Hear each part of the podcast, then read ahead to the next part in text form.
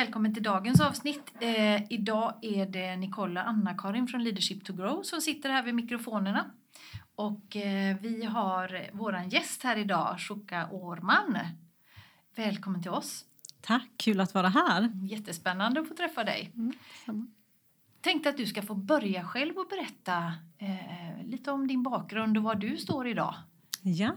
Ehm, Jag är i grunden ekonom och jobbat med privatekonomiska frågor egentligen den största delen av mitt vuxna liv och arbetsliv.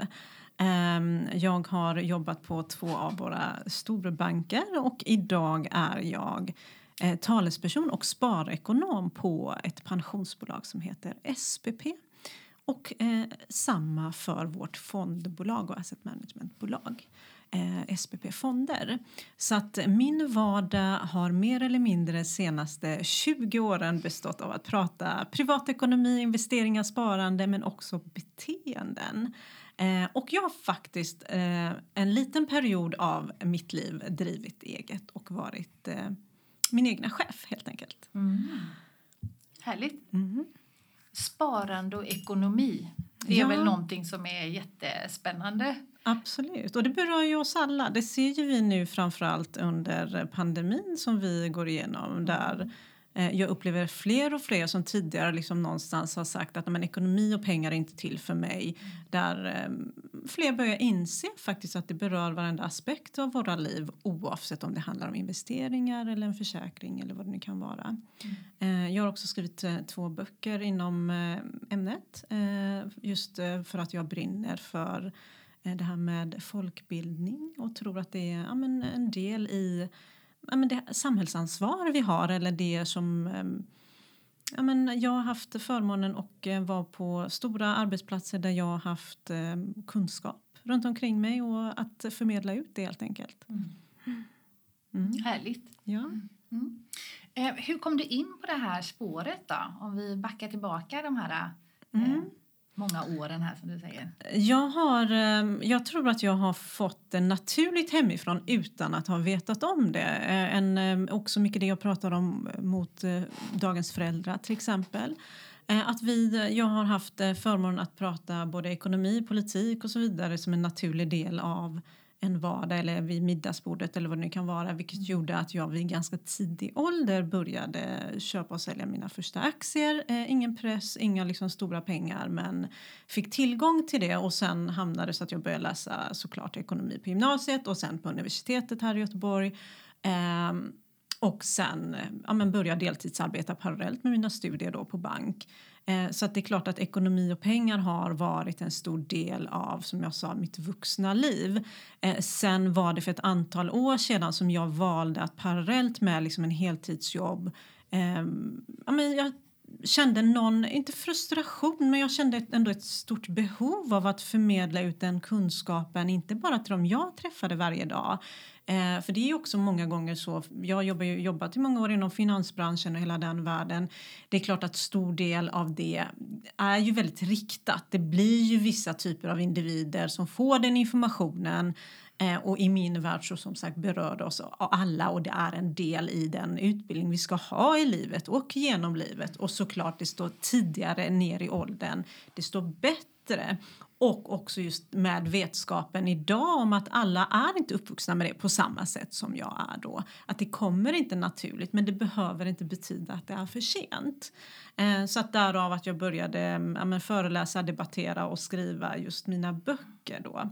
Och valde att bli egen och där kan vi prata om ha självdisciplin och självledarskap. Så att, eh, ja. Mm. Eh, Jag tror att många av våra lyssnare kanske funderar så tänker man ja, ekonomi och ledarskap, hur hänger det ihop? Mm. Eh, Kan du berätta dina tankar? Jag tänker ju att eh, det är klart att eh, som individ så står vi alltid inför att antingen så behöver vi som jag sa när man är egen eller i sin vardag eller i sitt liv ha liksom någon form av ledarskap och liksom självledarskap. Eh, men sen handlar det ju också när vi pratar ekonomi, när vi pratar organisationer idag. Det är klart att i en organisation där vi pratar lönsamhet, pengar och ekonomi så behöver vi helt plötsligt titta på hur en organisation drivs och vad man, hur man använder sina resurser och de som befinner sig i en organisation. Så det är klart att ledarskap har vi allt ifrån eh, när vi behöver bemöta vår lilla trotsiga tvååring till eh, om du faktiskt sitter som vd i ett bolag idag eller i en ledarroll eller när du faktiskt är egen. Eh, och jag tror att det som jag har lärt mig genom att någonstans både ha haft förmånen att ha många goda ledare vid min sida men också fått liksom ta hand om många av de delarna när jag har varit egen men också just det här med ja, men det, man misslyckas och det krävs mycket mm, att man ifrågasätter sig själv också under tiden man misslyckas och liksom att man backa lite och blicka tillbaka och ha liksom någon form av helikopterperspektiv och så vidare. Så det finns ju många aspekter eh, där man kan koppla ihop självledarskap både i ens vardag men också i organisationer och därmed som sagt ekonomi och pengar. Mm. Vad skulle du säga eh, en eller flera av de viktigaste egenskaperna som ledare, alltså ledaregenskaper, vad, vad skulle det kunna vara?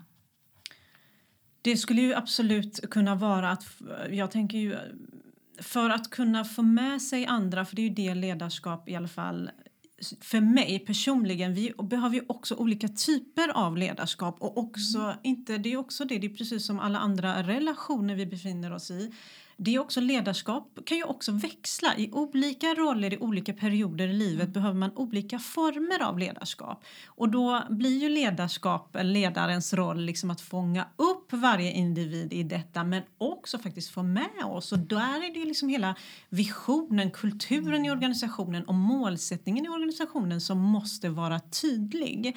Nu säger jag tydlig för att jag är en sån person som själv föredrar en tydlig ledare mm. medan det behöver som sagt inte vara det som varenda eh, anställd i en organisation efterfrågar hos en ledare. Men ledarskap i min värld handlar till stor del om att få med dig gruppen men det är klart att har vi tydliga mål och har vi liksom en vision och har vi kultur som är tydlig så har vi liksom en plattform satt redan. Sen gäller det att hitta vägar att använda sig av för att få med sig allt fler på den banan och den vägen. Ehm, Sen befinner vi oss mitt i en förändringsarbete idag i många organisationer där vi, där vi strävar efter hållbarhet, digitalisering och så vidare. Det handlar ju extremt mycket om det här med att de det är resurser vi står inför oavsett om det är individen eller produktionen eller vad det nu kan vara och vi eh, ska vi liksom nå mot våra hållbarhetsmål och de krav som idag ställs på organisationerna så behöver också ledaren vara en del i detta. Sen som sagt lite beroende på vad för eh, liksom ledarroll man har och vilken mm. chefsroll man har um, så är de delarna otroligt viktiga att ha med sig. Mm. Ja men jättebra. Mm. Berätta lite närmare, eh, eller lite mer kanske om eh, jag fastnar tillbaka lite i det mm. här eh, på den personliga då, eh, tanken om ledarskapet och ekonomi. Mm. Eh, att många kan uppfatta det som svårt. Mm. Har du någon idé, tanke om hur vi kan jobba med oss själva för att komma fram i sitt självledarskap vad gäller ekonomin? Mm. Um, alltså mycket i ekonomi och pengar handlar ju såklart som många andra mål vi har oavsett vad det är för mål. Det är ju liksom tydligheten i att bryta ner sina mål. Det handlar om självdisciplin. Um, jag tror att vi skrev det i vår första bok, eh, jag och min medförfattare, just att vi är junkies för snabba belöningar. Och jag tror att de flesta här har hört talas om den här marshmallows-testet man gjorde där man liksom använder framtida belöning för att avstå någonting idag. Och det är såklart att det är jättemycket det som eh, att uppnå liksom ekonomiska mål handlar om. Att offra upp någonting, uppoffringen idag för att uppnå någonting annat senare. Jag jobbar ju med pensioner eh, och liksom de delarna och det är klart att ingenting är i princip svårare än att få någon att visualisera så långt fram som just pensionsåldern. Det är klart du kanske kan visualisera en resa du planerar inför ett bröllop eller vad det nu kan vara och, liksom, och där pratar vi också, där är det mer tydligt, du vet det kommer att komma och så vidare. Men när du sitter och pratar med en 25-åring men även en 45-åring om pensioner så blir det ju så extremt långt bort. Och då är det svårt såklart att offra massa idag för att eh, uppnå någonting senare. Eh, så att där har vi ju det med liksom beteendeekonomin som jag har pratat om mm. jättemycket just med självdisciplin och att vi faktiskt är medvetna om att vi har eh, svårt att eh, nå hela vägen. Och hur gör vi för att göra det? Idag finns ju massa digitala verktyg eh, och det pratar jag om när jag pratar om ehm, ledarskap och beteendeekonomi och nudging också, alltså en liten puff hur gör vi för att minska våra hinder på vägen mot våra satta mål? Hur kommunicerar vi både som chef mot en arbetstagare då? Eh, hur gör jag när jag tänker sparande och pensionssparande? Kan jag på något, skapa, på något sätt skapa incitament? Kan jag på något sätt ha som chef olika typer av default-alternativ, alltså förhandsvalalternativ som gör att jag kan nå mina mål? Um, idag som sagt bara en sån enkel sak som att du har en stående överföring där det går pengar till ett sparande direkt innan du ens hinner liksom se lönen. Det är klart att det är en automatisk grej.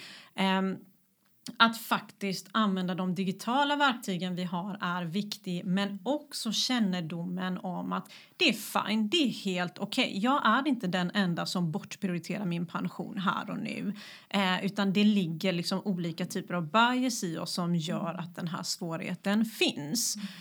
Um, och då när vi pratar ledarskap, bara för att liksom knyta an nu när vi ändå pratar mycket om mitt um, jobb och liksom pensioner mm, mm Eh, i det här med ledarskap och i organisationer idag så behöver vi också prata mer just kring det här med hållbarhet och hur har vi hållbara arbetssituationer men också just i hållbarhetsarbetet där vi pratar socialt, ekonomiskt och miljömässigt. Det, det kommer ju inget bolag komma bort ifrån på sikt. Och en del i det är de förmåner vi erbjuder våra anställda idag.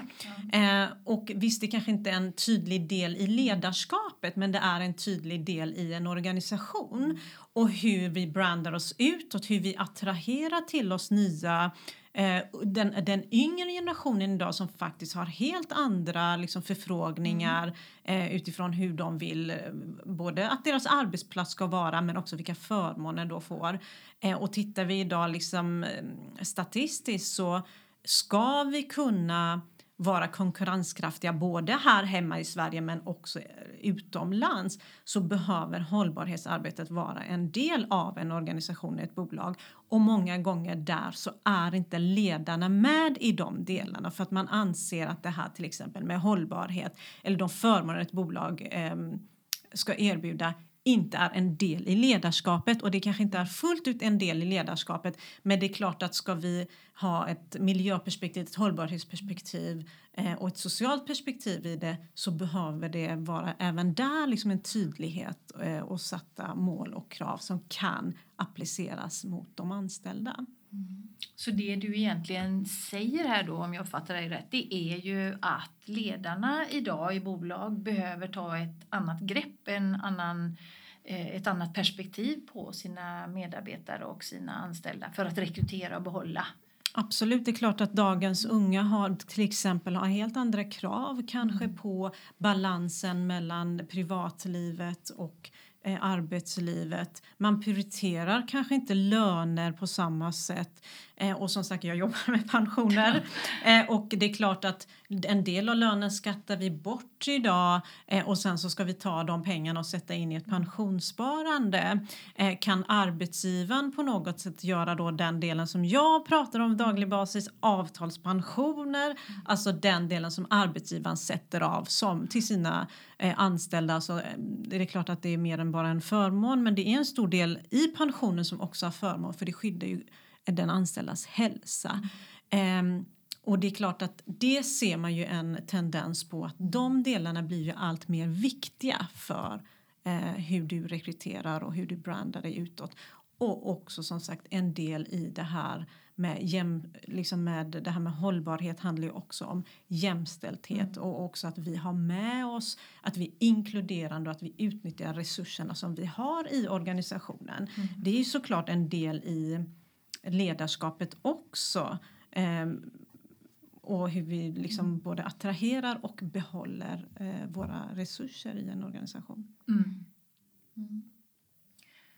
Eh, ja, och jag, det du speglar också är ju att för att jag ska söka mig om jag söker jobb så, och en anställning så kommer jag ju att titta på mina arbetsgivare. Vad är det för erbjudanden de har med hållbarhet och hur kan jag få de här förmånerna hos den arbetsgivaren? Absolut, det är en stor konkurrenskraft i det och annars så som sagt går ju både resurser och mm potential förlorat om vi inte varken lyckas attrahera eller behålla då de delarna i en organisation.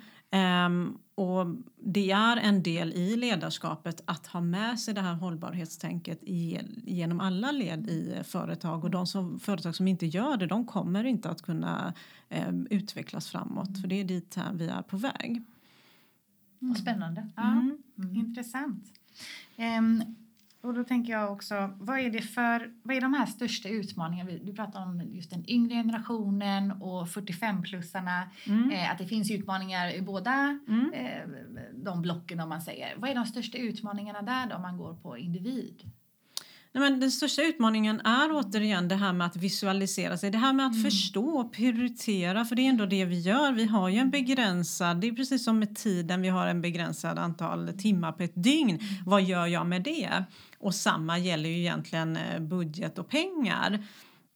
Att hela tiden kunna ha en så naturlig, för det är också någonstans här minsta motståndets lag. Mm. Hur liksom lyckas vi komma dit? För att blir det minsta motstånd eller minsta jobbighet i det så såklart att de flesta avstår då. Sen tror jag att mycket i det här fallet handlar också om en avsaknad av information. Eh, tittade på svenska befolkningen idag, hur många har verkligen koll till exempel på sitt pensionssparande? Hur många sitter vid en löneförhandling Eh, och eh, det här med ledarskap, det kan du ju aldrig veta om du inte specifikt känner någon som har liksom erfarenhet av den ledaren som håller på att rekrytera in dig. Men hur många känner till de förmåner vi får den dagen vi blir anställda och faktiskt tar upp det här med eh, avtalspensionen som en del i löneförhandlingen. Mm. Jag tror att många glömmer av det. Mm. Eh, eller vad händer den dagen jag blir sjuk? Alltså det är också de delarna som är otroligt viktigt att känna till eh, för att vi har såklart ett skydd i botten och det är många svenskar medvetna om. Men därefter bär ju faktiskt arbetsgivaren ett stort ansvar och vad vi kräver mot arbetsgivaren blir en, ste, en stor del i detta. Eh, men känner vi inte till det så kan vi aldrig varken förhandla eller också känna oss nöjda i det. För det är också det, det är en kostnad för arbetsgivaren att avsätta de här delarna. Viss, vissa delar är lag, lagstadgad men vissa delar måste du kunna liksom, eh, ha kunskap kring för att eh, förstå vilken förmån det är. Um, så det är också en viktig del i det såklart, kunskapen och ta sig den lilla tiden det faktiskt tar mm. att förstå skillnaden mellan den statliga pensionen, arbetsgivarens del och sen hur mycket behöver jag som individ och själv ta ansvar i detta. Eh, och är det inte värt då idag att avstå vissa saker, viss konsumtion för att på sikt ha det bra. För oftast handlar det faktiskt om att så tidigt som möjligt desto liksom mindre belopp behöver vi ha med oss. Mm. Mm. Mm, absolut. Um, en annan tanke jag har är, um, nu när vi pratar just om individer också då, um, hur självkänsla kommer in i det hela. Absolut. Eh, och där, där, går ju, där får man ju lite olika forskning sådär men jag pratar ju jättemycket om kvinnor, kvinnans självkänsla och ekonomiska självkänsla. Eh, och också där man till exempel då har kunnat se i viss statistik och viss forskning och så som sagt är det inte säkert att det fortfarande är precis på samma sätt. Min uppfattning är att vi börjar få en förändring i det och en förbättring i det. Men just att kvinnor har inte samma typ av självkänsla. Men det är också en sån här typisk bias. Vi överskattar vår egna förmåga. Fler män sannolikt, nu bara tar jag luften här då, tror jag skulle kunna säga att de är bättre bilförare än vad en kvinna säger. Eller så är vi som kvinnor mer försiktiga och anser att vi kör bättre. Jag vet inte, så jag ska inte fördjupa mig i det ifall det är någon som har någon, någon statistik på det. Men det är klart att en del i att mm. våga, en del i att tro att man är värd det och en del i att våga ta risk för att när vi nu kliver bort från det här med pensioner så handlar det ju helt plötsligt om sparande investeringar och för att våga investera så handlar det också om att ha en självkänsla och tro att man kan eh, och våga ta risker och där har man ju kunnat se att kvinnor är mer, mindre riskbenägna. Mm.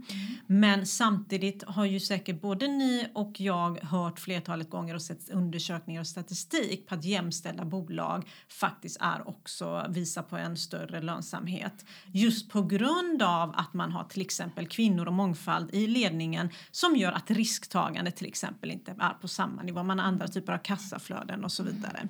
Eh, så att eh, det är klart att en ekonomisk självkänsla i botten är A och O för att också kunna våga men också för att kunna någonstans tycker jag förstå vikten av att det är till för alla. Vi är alla kapabla oavsett bakgrund, Oavsett de förutsättningar vi har fått så kan vi göra det bästa vi kan utifrån de förutsättningarna just för att uppnå den liksom optimala ekonomiska biten för mig.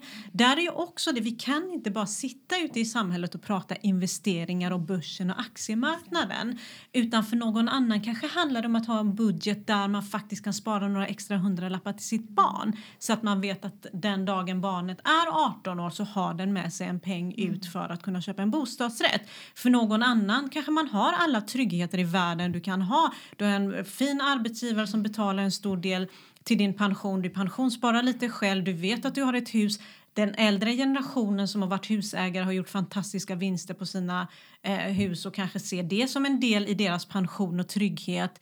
Medan någon annan som sagt inte har de delarna. Så att, bara prata ur det perspektivet och tro att man ska jämföra sig och vara likvärdig med andra. Mm. Jag tror också det är ett sätt att misslyckas men samtidigt också just det här med att sätta för stora mål, göra tvära förändringar och det gäller ju allt. Det gäller träning, det gäller om vi ska ändra vår kost, det gäller ju allting. Det handlar ju om våra beteenden och det handlar återigen gång på gång om att avstå någonting idag för att i framtiden få det bättre. Så desto större balans vi har däremellan, desto tydligare mål vi har, desto mer vi kan bryta ner målen, desto mer belöning, desto mer kan vi faktiskt också skapa ett mervärde och faktiskt nå de här målen längs med vägen. Men utifrån våra egna förutsättningar med vetskapen att ja, ekonomi och pengar berör oss alla men bara på olika sätt. Mm. Ja, men jättebra formulerat. Mm. Mm. Det är lite att ta in här. Mm. Jag tänker också att det är många som eh, kanske upplever det här eh, lite rädsla genom sin okunskap. Vad är det första jag behöver göra? Mm. För, för dig så när du beskriver det här så känns det ja ah, men det här är bra, det här, oh, det vill vi göra. Mm. Eh, lite så. Eh, men vad är det första man ska tänka på? Vad behöver vi ta första steget med? Men första steget tror jag är um, just do it. Alltså många gånger handlar det faktiskt bara om att göra det. När jag började med min löpning, det var inte så att jag hade en löparklocka som mätte min puls. Jag hade köpt de dyraste skorna. Jag hade liksom rätt. Jag började springa minst för många, många år sedan när jag precis hade fått barn. Jag hade inte den perfekta tröjan du ska ha när du ska springa mitt i vintern när det är snö eller de skorna med liksom peggar under mm. för, som inte gör att du halkar och så vidare. Jag bara bestämde mig för att nu ska jag ut och springa för att det här med att gå det är inte min grej. Jag blir för rastlös. Mm. Men oj, vad är nästa steg? Jo, det är att man springer. Eh, och så bara körde jag på. Sen så förstod jag att okej, okay, det här och det här kan jag göra för att optimera, förbättra och så vidare. Och det är klart att du kan inte gå och liksom ta alla pengar du har och bara börja placera dem på börsen. Det är inte det jag säger. Men första steget är faktiskt så enkelt som att ta telefonen, ringa upp din bankkontakt och fråga Hörru, jag vill öppna ett månadssparande i en fond. Kan du hjälpa mig nummer ett, vilka, hur startar jag ett månadssparande? Eh, nummer två, vilken fond ska pengarna gå in i, det är ju steg nummer ett. Idag som sagt lever vi i en digitaliserad värld där det finns enormt många digitala appar som kan hjälpa dig utifrån att du svarar på vad du har för risknivå, hur länge du tänker spara. Tidshorisonten är ju A och O i hur vi sparar. Eh, tidshorisonten är enormt viktigt när vi befinner oss på aktiemarknaden och börsen. Har vi den på våran sida så vet vi att vi i princip inte kan misslyckas. Det är klart att vi kan misslyckas om vi inte mm. sprider våra mm. risker eller det här med liksom alla ägg i samma, samma korg och så vidare. Men desto tidigare vi börjar, Mm. desto bättre och desto möjlighet till en god avkastning. Mm. Men också förstå att jag måste inte börja på den mest komplexa Mm. nivå. Och jag behöver inte ha massa verktyg för att komma dit och Mm. det finns faktiskt hjälp. Och för de flesta så är det faktiskt några hundralappar i månaden som kan vara första steget eller faktiskt att ta hjälp. Eller som i min värld där jag pratar om pensioner hela dagarna. Det finns ett digitalt, en digital kanal där du faktiskt kan se hela ditt engagemang, samtliga delar och det är minpension.se. Börja med att logga in där. Lär du dig inte förstå liksom, ehm, alla diagram och liksom kurvor direkt, nej men logga in en gång till. Det är fem minuter av din tid.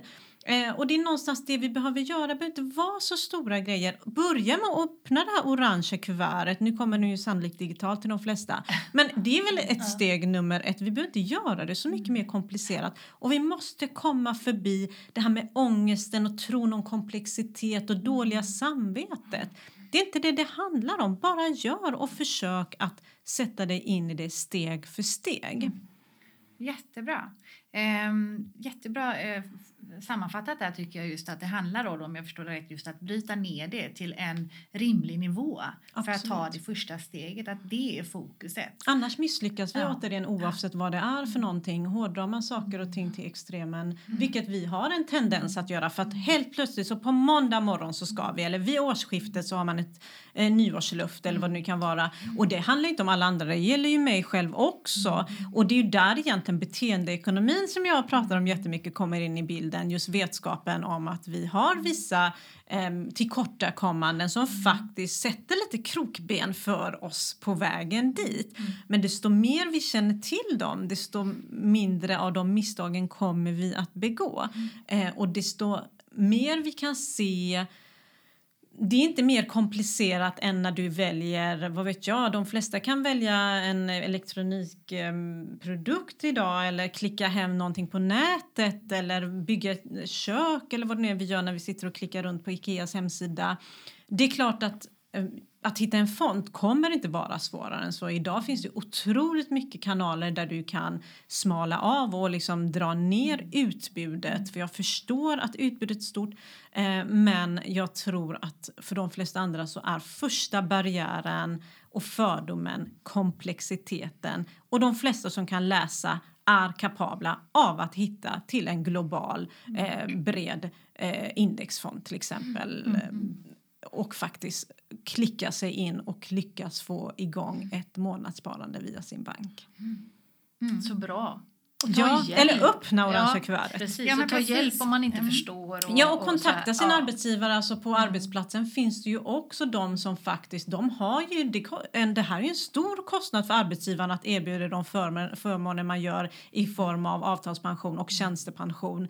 Eh, så att det är klart att eh, de många arbetsgivare tillgodoser ju dig också med den kunskap du behöver. För återigen, det är en kostnad för dem eh, och en förmån för dig. Ta vara på den förmånen för där är också en sån här liksom typisk eh, ehm, fördom vi har att men jag har inga pengar att placera ändå. Jo, majoriteten av oss som har arbetat och betalat in, en, ehm, betalat in skatt eller till och med varit föräldralediga, vi har faktiskt eh, pengar avsatta i den allmänna statliga pensionen. Använd det. Gå in, försök att påverka. Har jag gjort ett val? Okej, vad är det jag har valt i så fall? Eh, många ligger i det som kallas för det här default-alternativet idag. De gjorde ett val och sen har det legat där. Har jag fortfarande samma risknivå som jag hade då på den tiden när jag gjorde det valet? Vill jag ha det så? Finns det något annat? Tror jag på hållbarhet? Tror jag på hållbara investeringar? Vill jag påverka? Dina pengar har enorm betydelse. En stor del av de pengarna som finns på aktiemarknaden och börsen idag är pensionspengar. Du kanske har en annan drivkraft än bara vinst. Och, in, och idag ser vi också att hållbarhet och hållbara investeringar och det här med att få avkastning faktiskt tvärtom går hand i hand. Det är inte att välja mellan det ena Nej. eller det andra längre.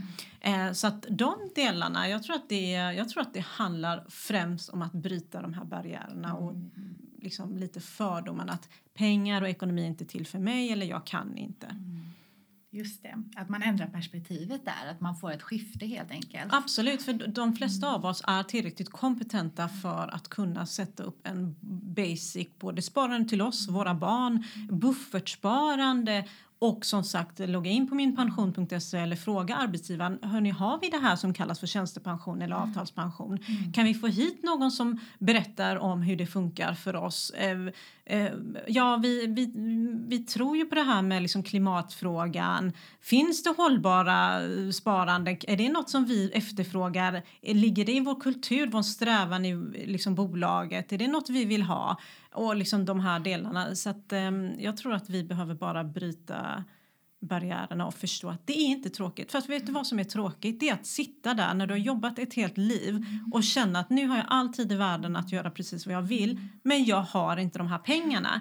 Och det handlar inte om att ha pengar. Det handlar om att ha gjort så många medvetna val genom livet som möjligt. Oavsett om det är karriären, det gäller liksom livssituationen, eh, arbetsgivaren och så vidare så handlar det om att kunna veta att jag gjorde det som jag kunde göra Eh, så gott jag kunde utifrån de förutsättningarna jag hade. Och i det gäller det att göra så många medvetna val som möjligt. Och inte ur ren bekvämlighet eller ur ren eh, tron om att det är komplext. Hellre sitta och surfa på internet en timme istället för att lägga 10 minuter på att logga in på minpension.se eller logga in på sin valcentral och kolla har jag överhuvudtaget en tjänstepension? Vilken, vad, vad tillhör jag i för kollektivavtal?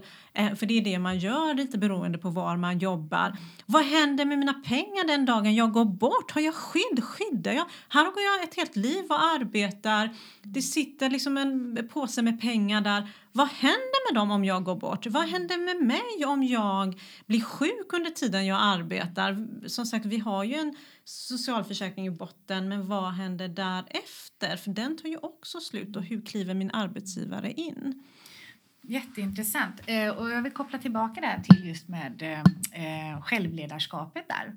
Eh, för det är ju sån grund i allting som vi pratar om nu egentligen. Det här medvetna valen. Ja, styra sina tankar och Precis. beteenden mot ett mål läser jag någonstans. Och det är ju precis det allting Mm. handlar om. Precis. det. Men eh, så jag är nyfiken på dig då, ditt personliga ledarskap. Har du, vad är din reflektion själv? Vad är din uppfattning om, om dig själv där?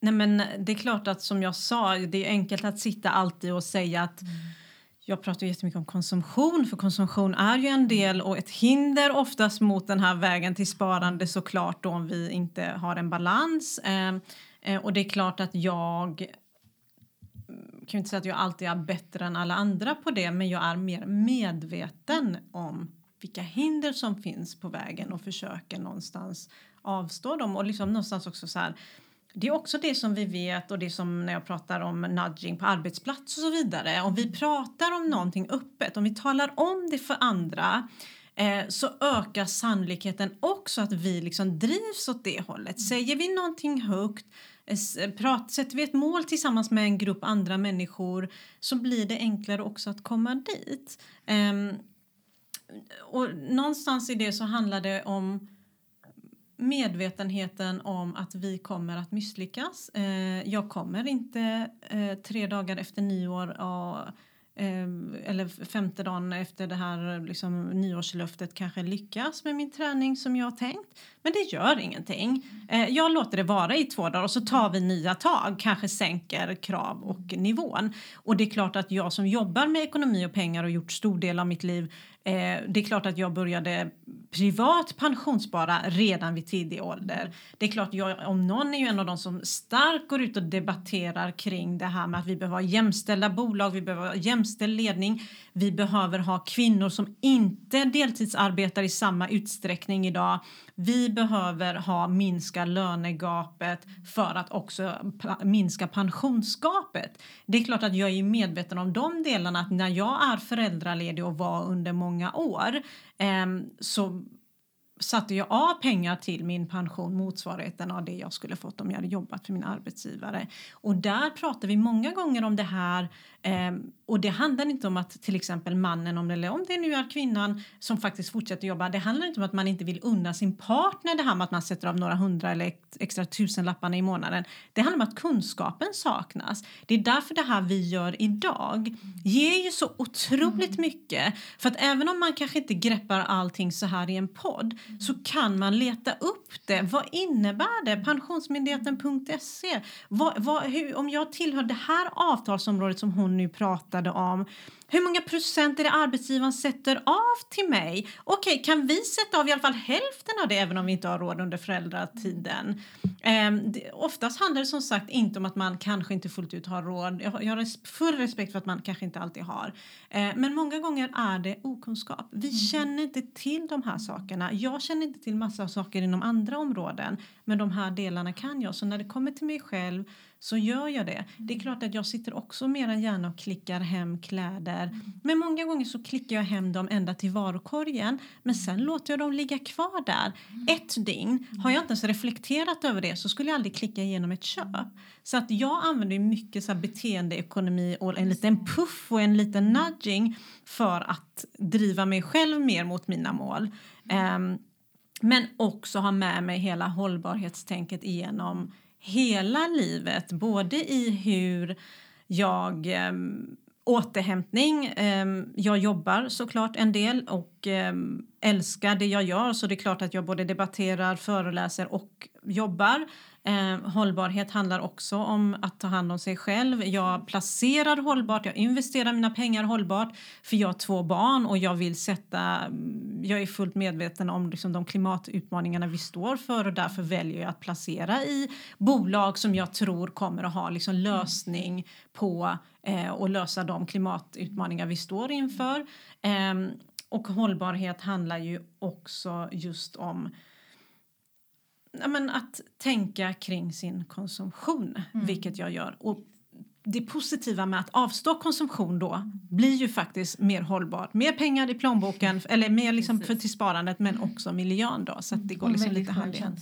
Väldigt skön känsla ja. faktiskt. Mm. Och det har jag börjat bli mer medveten om såklart med åldern. Men jag upplever att den yngre generationen har faktiskt andra, eh, lite andra krav. Mm. Eh, och därav som jag tror ändå som ledare och i hela organisationen att, att avstå liksom, och tänka kring hållbarhet och applicera det i alla led. Det, är liksom, det kommer inte funka framåt. Vi kommer inte attrahera de, eh, de liksom talanger vi vill ha till organisationen. Alltså det här är ju ett jätteintressant ämne och eh, vi skulle ju kunna hålla på hur länge som helst med, med ditt samtal här med Shoka. Mm. Men eh, för att avrunda lite, jag tänkte att du kom väldigt nära där med tipsen om hur, hur vi ska tänka och det har du gjort genom samtalets gång också. Men finns det någon liten, något litet guldkorn eller en diamant du skulle vilja skicka med till lyssnarna att ta ett första steg med? Jag tror att första steget för den yngre lyssnaren är tid. Börja idag. Skjut inte upp någonting. För det är faktiskt så att det finns något som heter ränta på ränta-effekten. Och den innebär en snöbollseffekt och det innebär att desto tidigare du börjar ditt sparande, oavsett om det är pensionssparande, eller annan typ av sparande eller buffertsparande, desto snabbare växer mm. kapitalet. Så du har tiden på din sida. Och för den äldre generationen som jag satt med många gånger på banken så handlar det faktiskt också om att det är aldrig för sent. Även om du sitter i ett sånt skede där du faktiskt håller på att gå i pension. Titta då, vad händer den dagen jag går i pension? Vilka skydd har jag? Vilka rätt, vilken rätt har jag till att arbeta efter en viss ålder? Till exempel om man vill vara kvar hos sin arbetsgivare. Vad händer med mina pengar den dagen jag inte finns längre? Vilka får de? Har jag valt rätt skydd för att till exempel då min familj ska få det? Hur skyddar jag min partner? Mm. Vill jag ha ut allt kapital själv eller vill jag ge bort delar och så vidare? Jättefint. Mm. Tack för de tipsen. Mm. Tack. Stort tack att du kom. Så kul. Tusen tack. Tack ni som lyssnade så ses vi framöver.